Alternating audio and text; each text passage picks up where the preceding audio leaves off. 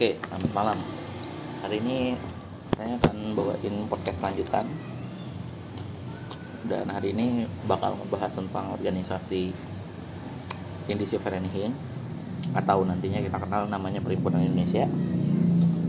Nantinya organisasi Perhimpunan Indonesia itu bakal megang peran penting dalam eh, upaya pembentukan kesadaran nasional di Indonesia. Ya kalau misalkan saya bilang mereka lah penggerak dari komunitas terbayang di Hindia Belanda. Tapi sebenarnya Perhimpunan Indonesia ini bakal benar-benar berkembang dan memiliki kesadaran nasional yang tinggi itu ketika mereka bernama PI. Kan yang harus teman-teman tahu, organisasi PI itu bermula dari yang namanya organisasi Indonesia Vereniging. Kita nyebutnya IV aja biar lebih gampang. Jadi IV ini awalnya itu cuma semacam perkumpulan sosial antara mahasiswa-mahasiswa Hindia Belanda yang kuliah di Belanda. Yang bikin IV ini inisiatifnya banyak tokoh. Ada Sultan Kasayangan, Hussein J. Diningrat, Noto Suroto, sama Sosro Kartono. Lambangnya Kartini. Nah, organisasi ini didirikan 20 Oktober 08. Tujuannya ini sebenarnya adalah memajukan dan merekatkan hubungan antara mahasiswa Hindia yang lagi belajar di Belanda. Jadi sebenarnya organisasi IV ini ya macam kayak perkumpulan aja. Bagaimana mahasiswa-mahasiswa dari Hindia Belanda yang lagi kuliah di Belanda, mereka itu butuh yang namanya dan tanda kutip ya temen buat nongkrong, buat ngumpul, buat ngobrol, buat ya bercanda bareng lah ketika mereka sedang menjalani e, perkuliahan di Belanda. Nah, IV ini didirikannya sama mayoritas golongan masyarakat bangsawan sama kelompok pria birokrat Lalu kenapa mereka yang dominasi bikin IV? Karena nantinya yang harus teman-teman tahu untuk kuliah ke Belanda itu mahal. Dan rata-rata yang dapat akses buat bisa kuliah ke Belanda itu adalah kalau nggak bangsawan, dia adalah seorang pria birokrat, orang yang menduduki jabatan di pemerintahan. Mungkin teman masih teman-teman masih ingat ngebahas ya mungkin teman-teman masih ingat tentang Kartini di mana Kartini itu kan dia adalah anak bupati dan dia ini nantinya punya kesempatan buat lanjutin uh, kuliah ke Belanda. Cuma kan pada akhirnya nggak bisa dan yang bisa pergi kuliah kan abangnya. Jadi memang IV itu awal-awalnya didominasi oleh kelompok bangsawan sama priai birokrat. Nah nantinya organisasi IV ini yang sebagai perkumpulan sosial serta penghubung antara masyarakat uh, Hindia Belanda dengan negeri Belanda karena kan nantinya IV bisa sebagai tempat ngumpul kongko mahasiswa-mahasiswa Hindia Belanda yang ada di Belanda. IV ini bakal nerbitin banyak tulisan untuk menceritakan tentang kebijakan pemerintah Belanda atau kondisi negara Belanda ke negara Hindia. Jadi pada dasarnya ketika IV terbentuk itu mereka bakal didominasi sama yang namanya uh, prinsip politik asosiasi. Jadi di prinsip politik asosiasi itu nantinya orang-orang IV itu bakal yang namanya uh, mendorong Hindia Belanda sama negara Belanda itu bekerja sama untuk menjadi suatu negara persemakmuran. Nantinya tokoh yang paling gencar banget untuk mendorong politik asosiasi di IV itu adalah Noto Suroto.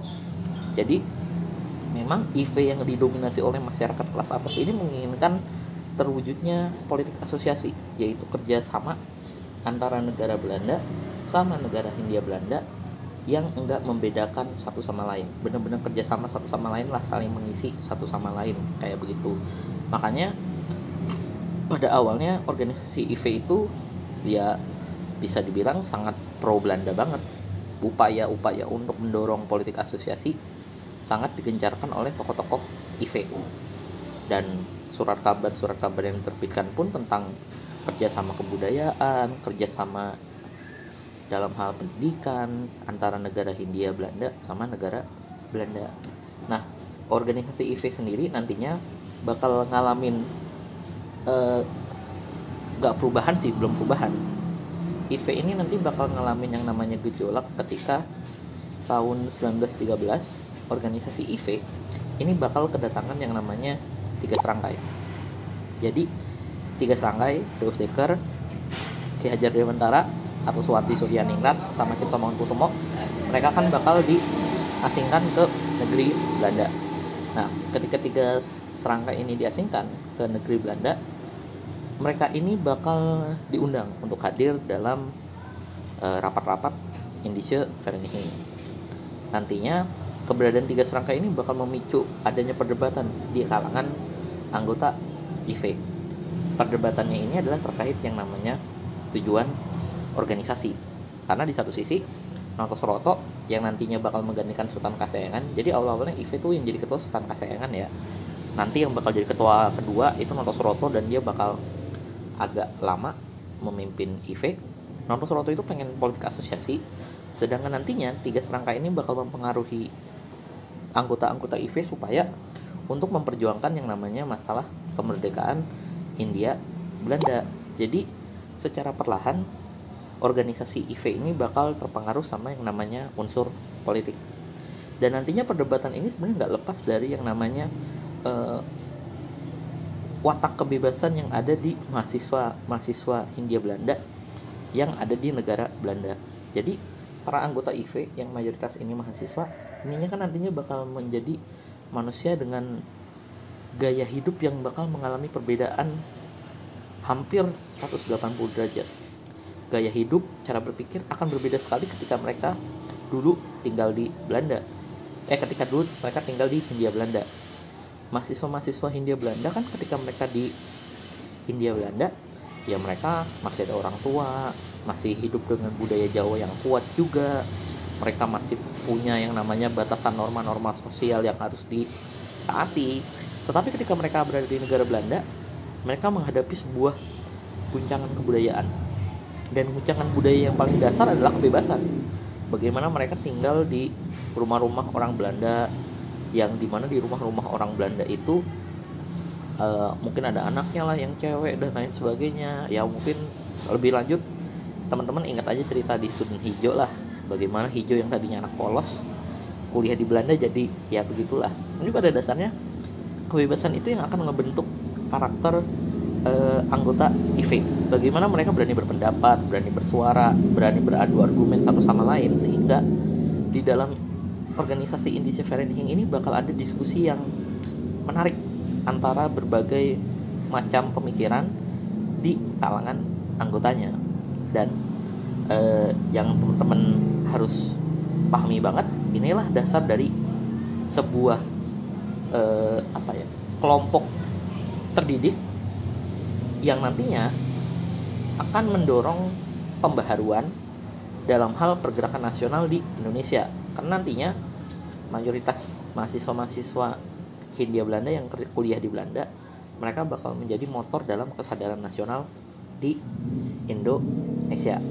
Nah, nantinya organisasi IV ini setelah ada perdebatan dengan tokoh tiga serangkai memang secara nggak langsung tiga serangkai ini bakal mempengaruhi banget organisasi IV cuman yang akan banyak mempengaruhi organisasi IV itu adalah eh, Suwardi Suryaningrat alias Ki Hajar Dewantara kenapa Suwardi Suryaningrat karena nantinya Ki Hajar ini tahun 1916 ketika dia berkecimpung di IV dia bakal eh, menerbitkan surat kabar organisasi bernama India Putra Nah, surat kabar Hindia Putra ini nantinya uh, dijadikan sebagai apa ya?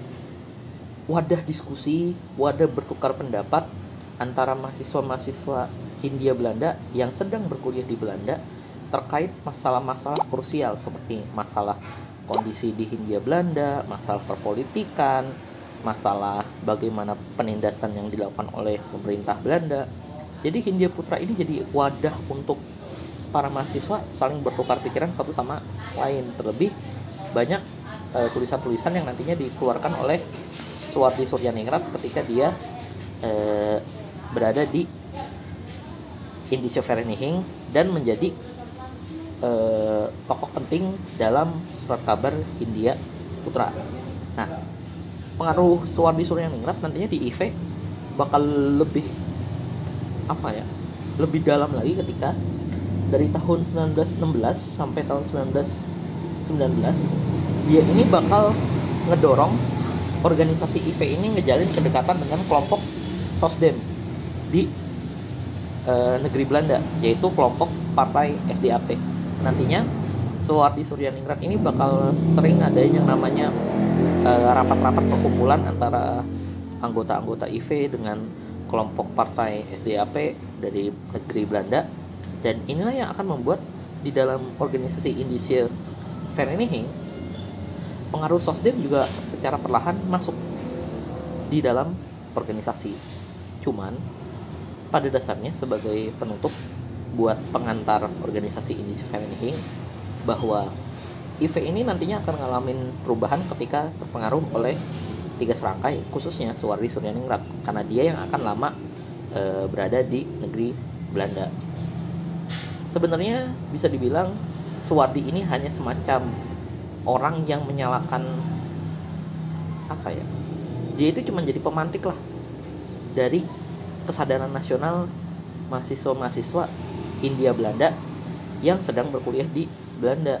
Kenapa saya bilang Suwardi Suryaningrat ini menjadi pemantik? Karena pada dasarnya ketika para mahasiswa ini berkuliah di Belanda, mereka mengalami yang namanya sebuah uh, guncangan kebudayaan bagaimana mereka harus hidup dengan budaya Belanda dan mereka yang pasti dialamin oleh para mahasiswa itu adalah kerinduan sama Hindia Belanda sama negeri asalnya mereka terlepas dari berbagai suku yang ada di dalam anggota Indonesia Vereniging mau itu orang Timur, orang Jawa atau orang Sumatera mereka ini bakal ada satu kesamaan bahwa mereka merasa mereka ini adalah orang yang tinggal di suatu wilayah yang sama, suatu wilayah jajahan Belanda. Mereka tinggal di sebuah wilayah yang bahasanya mayoritas adalah bahasa Melayu pada saat itu atau bahkan ada yang berbahasa Belanda. Dan mereka bakal merasa bahwa ada berbagai kesamaan dalam hal budaya atau kebiasaan. Kebiasaan mengucap salam, tata krama, makanan dan lain sebagainya. Di antara mahasiswa-mahasiswa eh, Hindia Belanda yang sedang berkuliah di Belanda ini bakal tercipta berbagai macam unsur pembentuk sebuah komunitas terbayang. Bagaimana mereka sebagai sebuah komunitas, mereka membayangkan bahwa mereka ini memiliki suatu kesamaan. Mereka membayangkan bahwa mereka ini adalah suatu ikatan yang ikatan itu sebenarnya nggak kelihatan nggak ada wujudnya tapi mereka merasa bahwa mereka ini adalah satu sama lain ini sama sama-sama mahasiswa yang berasal dari Hindia Belanda mereka merasa daripada hidup sendiri jadi mahasiswa Hindia Belanda di negara Belanda mereka bergaul sama orang-orang Belanda mereka akan lebih senang ketika mereka bisa bergaul dengan orang yang juga sama asalnya dari Hindia Belanda. Makanya bisa dibilang nantinya IV ini bakal menjadi pelopor kedua dalam saya nyebutnya bukan pelopor kedua ya mungkin. Mungkin saya nyebutnya adalah IV ini bakal menjadi pendorong dari lahirnya eh, pergerakan nasional jilid kedua yaitu pembangunan kesadaran nasional teman-teman mungkin masih ingat bahwa pergerakan nasional di awal-awal itu berbicara tentang kelahiran kelompok elit modern kelompok masyarakat yang hidupnya mapan tapi mereka punya kepedulian terhadap nasib masyarakat pribumi atau masyarakat di Hindia Belanda. Tapi nantinya ikatan tersebut akan lebih kuat dalam pergerakan nasional jilid kedua yang dimulai oleh IV, dilanjutkan oleh PI dan nantinya akan mencapai puncak ketika lahirlah yang namanya eh, PNI Partai Nasional Indonesia hingga nantinya sampai ke Sumpah Pemuda. Karena ini adalah bagian dari proses pembentukan kesadaran nasional Indonesia pada masa pergerakan nasional. Karena nantinya IV bakal menjadi organisasi pertama yang menggunakan bendera merah putih sebagai simbol organisasi mereka. Meskipun bendera merah putihnya itu ada kepala bantengnya di tengahnya. Itu mungkin akan lebih banyak dibahas di pertemuan berikutnya. Ini hanya sekadar pengantar aja. Mungkin teman-teman bisa banyak baca artikel Tirto atau Historia yang udah saya share. Dan bahasan ini akan banyak ngebahas buku-buku. Mulai dari mahasiswa nasionalisme dan penjara tulisannya John Ingolson jalan ke pengasingan tulisannya John Ingolson juga dan yang paling gampang sih adalah kita bakal mulai ngebahas tentang tiga tokoh seri Tempo yang teman-teman mungkin dapat laporan baca yaitu eh, biografi seri Tempo Soekarno, Hatta, dan Syahrir. Karena tiga tokoh tersebut nantinya bakal jadi tiga tokoh yang penting dalam pembangunan kesadaran nasional di Indonesia. Itu aja mungkin dari saya. Makasih. Selamat malam.